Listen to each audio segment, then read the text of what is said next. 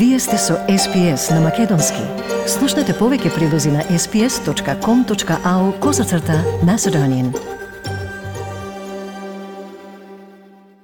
Македонскиот премиер Димитар Ковачевски во пресред на денешниот самит ЕУ Западен Балкан во Брисел ги посочи македонските позиции во однос на францускиот предлог, напорите за отстранување на бугарското вето и обидите за деблокирање на патот кон ЕУ. Тој вели дека владата формално нема добиено предлог кој е усогласен на ниво на сите 27 земји членки, но каков и да биде конечниот усогласен текст на францускиот предлог, тој ќе биде прифатлив за македонската страна, само доколку се почитува јазикот, историјата и македонскиот идентитет. Чиста формулација за македонскиот јазик во преговарачката рамка и јасна заштита на македонскиот идентитет. Историските прашања не може да бидат критериум во преговарачката рамка. Преговорите помеѓу Македонија и ЕУ мора да почнат пред отпочнувањето на постапката за уставните измени за вклучување на бугарите, хрватите и црногорците во преамбулата на уставот, посочи Ковачевски на социјалните мрежи. Тој бара цврсти гаранции од Бугарија и од Европската Унија дека Бугарија нема да условува со нови барања надвор од она што ќе биде договорено во преговорачката рамка и билатералниот протокол кој се уште не е усогласен со Бугарија. Цитирам, Секое решение ќе треба да е консултирано со институциите во Македонија, Великовачески, одговарајќи на јавната дискусија која што се води во земјата околу францускиот предлог. Инаку Ковачевски замина за Брисел, каде што денеска, заедно со неговиот албански колега Еди Рама и председателот на Србија Александар Вучич, ќе учествува на самитот Европска Унија Западен Балкан. Антонио Милошовски од ВМРО ДПМН додава дека со францускиот предлог се прави бугаризација на македонскиот народ, а обвинува во име на партијата и дека премиерот Кобачевски и министерот за надворешни Бујар Османи веќе се согласиле со него пред европските лидери. Освен една фотосесија која што ќе се даде како прилика на неколку политичари, поднос на европските перспективи, ова ќе биде влегување во лавиринти со прилично големи национални понижувања, без можност да се стигне достоинствено до крајната цел. И трето, сметаме дека владата и собранието треба да го отфрлат овој предлог како неповолен за Македонија, за да може да не третираат посериозно во следниот период. Доколку владата го прифати францускиот предлог таков како што е, лидерот на ЛДП Горан Милески најавува дека ќе поднесе неотповиклива оставка од член на владата. И председателката на Дом Маја Морачанин, која е дел од владината коалиција, смета дека францускиот предлог, поред информациите достапни во медиумите, не е прифатливо решение за Македонија. Ќе треба да се одмакедончиме на сила ако сакаме да влеземе во ЕУ. Е таква е у нас на ЛДП не ни треба, благодарам. Доколку владата донесе таква одлука, јас ќе си на ќе си дадам оставка член на влада и тогаш предпоставам пошто гледам дека и други има незадоволни ќе се доведи во прашање обстанокот на владата. Ако сака таков ризик, меѓутоа гледам дека премиерот сега ретерира што е добро и за поздравување и само така треба да работиме напред. Јас лично сметам дека а, владата ќе нема поддршката од дом доколку се припати ваквиот предлог од еве така наречен француски. Слична најава даде генералниот секретар на Демократскиот сојуз и заменик министр за локална самуправа Зоран Димитровски во гостувањето на Телма ТВ. На прашањето дали ќе излезе од владата доколку тие не го отфрлат предлогот, Димитровски одговори.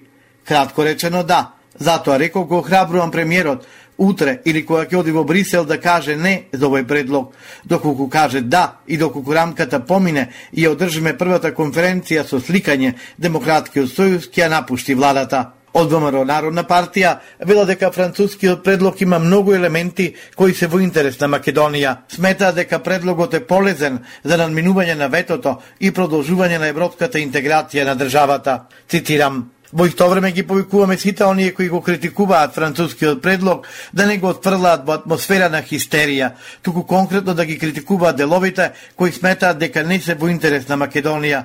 На тој начин ќе демонстрираат дека сепак го прочитале францускиот предлог, се наведува во партиското сообщение. Инаку францускиот предлог за решавање на спорот меѓу Бугарија и Македонија се состои од три независни документи кои самоцелосно прифатени одговараат на прашањето дали Македонија е подготвена да започне преговори за членство во ЕУ.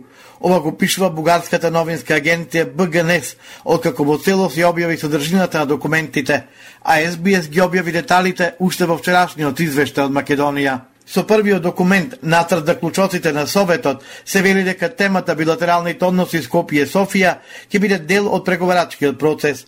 Овој документ, како и вториот документ преговарачката рамка, се однесуваат на трет клучен документ, билатералниот протокол во кој нема ништо француско и е целосно производ на договор меѓу министерствата за надворешти работи на двете земји, пишува БГНЕС. Ова е всушност патока со конкретни заложби и чекори, кои Скопје мора да ги исполни како возбрат Бугарија да го кине ветото, пишува агенцијата. Во овој трет документ се наведува дека билатералниот протокол ја вметнува историјата како услов на преговарачкиот процес, односно дека Скопје се обврзал да ја усвои веќе усвоената формулација о заедничката историска комисија во врска со цар Самуил како бугарски цар, веднаш менувајќи ги знаците и надписите на неговите споменици во земјата и на Самуиловата тврдина во Охрид но ова нема да биде единствениот протокол, наведува медиумот, бидејќи овој протокол не е подпишан и најверојатно ќе има дополнувања и појаснувања, кои треба трајно да ги отстранат сите спорови меѓу двете земји, кои се однесуваат на периодот од почетокот на 20 век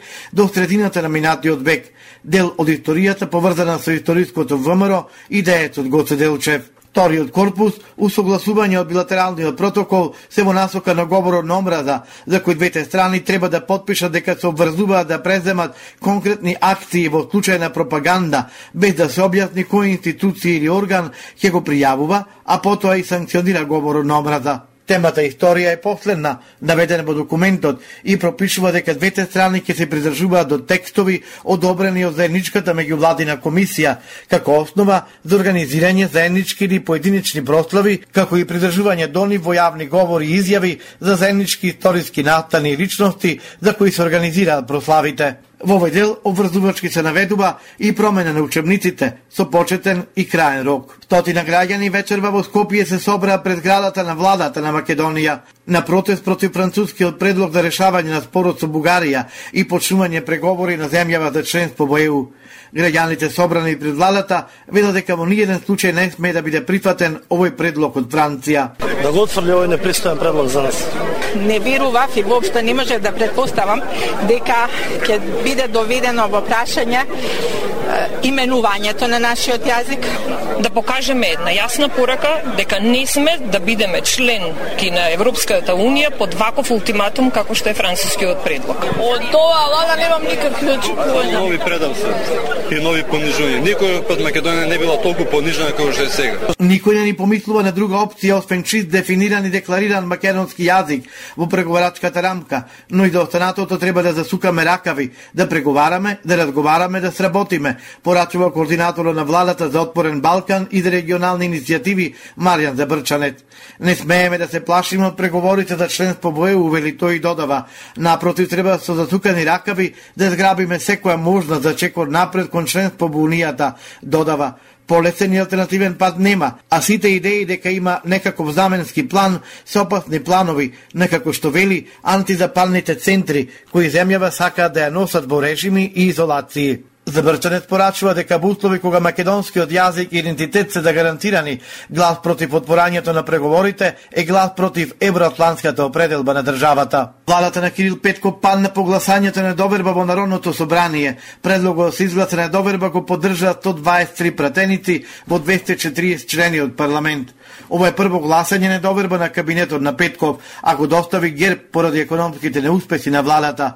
По изгласувањето на недоверба, Петков во своето обраќање изјави дека му е чест што бил струшен од четворката Борисов, Пеевски, Трифонов и руската амбасадорка во Бугарија Елеонора Митрофанова. Крајниот рок до кога Бугарија треба да одговори на предлогот на француското председателство за деблокирање на европскиот пат на Македонија не е 23 јуни и тоа може да се случи во друг формат до истекот на председавањето на Франција со ЕУ, односно до крајот на месецот, се наведува во извештајот на Бугарското министерство за надворешни работи од 20 јуни, доставен до Комисијата за надворешна политика на Народното собрание на Бугарија. Министерството ги информира пратениците дека така наречениот француски предлог создава поволни услови за одбрана на бугарскиот национален интерес.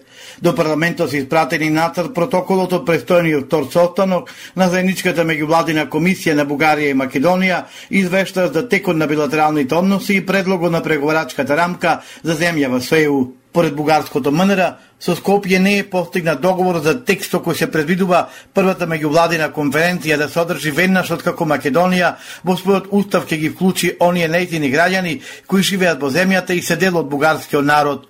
Наместо бугарскиот предлог се посочува во извештајот. Скопје инсистира вклучувањето на бугарите како државотворен народ да се постави како услов до отворање на првиот кластер основни принципи во преговарачкиот процес. Во извештајот до парламентот, Министерството наведува и дека е клучно протоколот да биде подпишан и одобрен од владите во Скопје и Софија пред Бугарија да ја одобри преговарачката рамка на ЕУ со земјава. Не е реално да се очекува сите земји членки на ЕУ да го поддржат ставот на нашата земја за македонскиот јазик, наведува бугарското МНР, посочувајќи дека ваквиот став произлегува сите разговори што се водени на европско ниво во последните три години.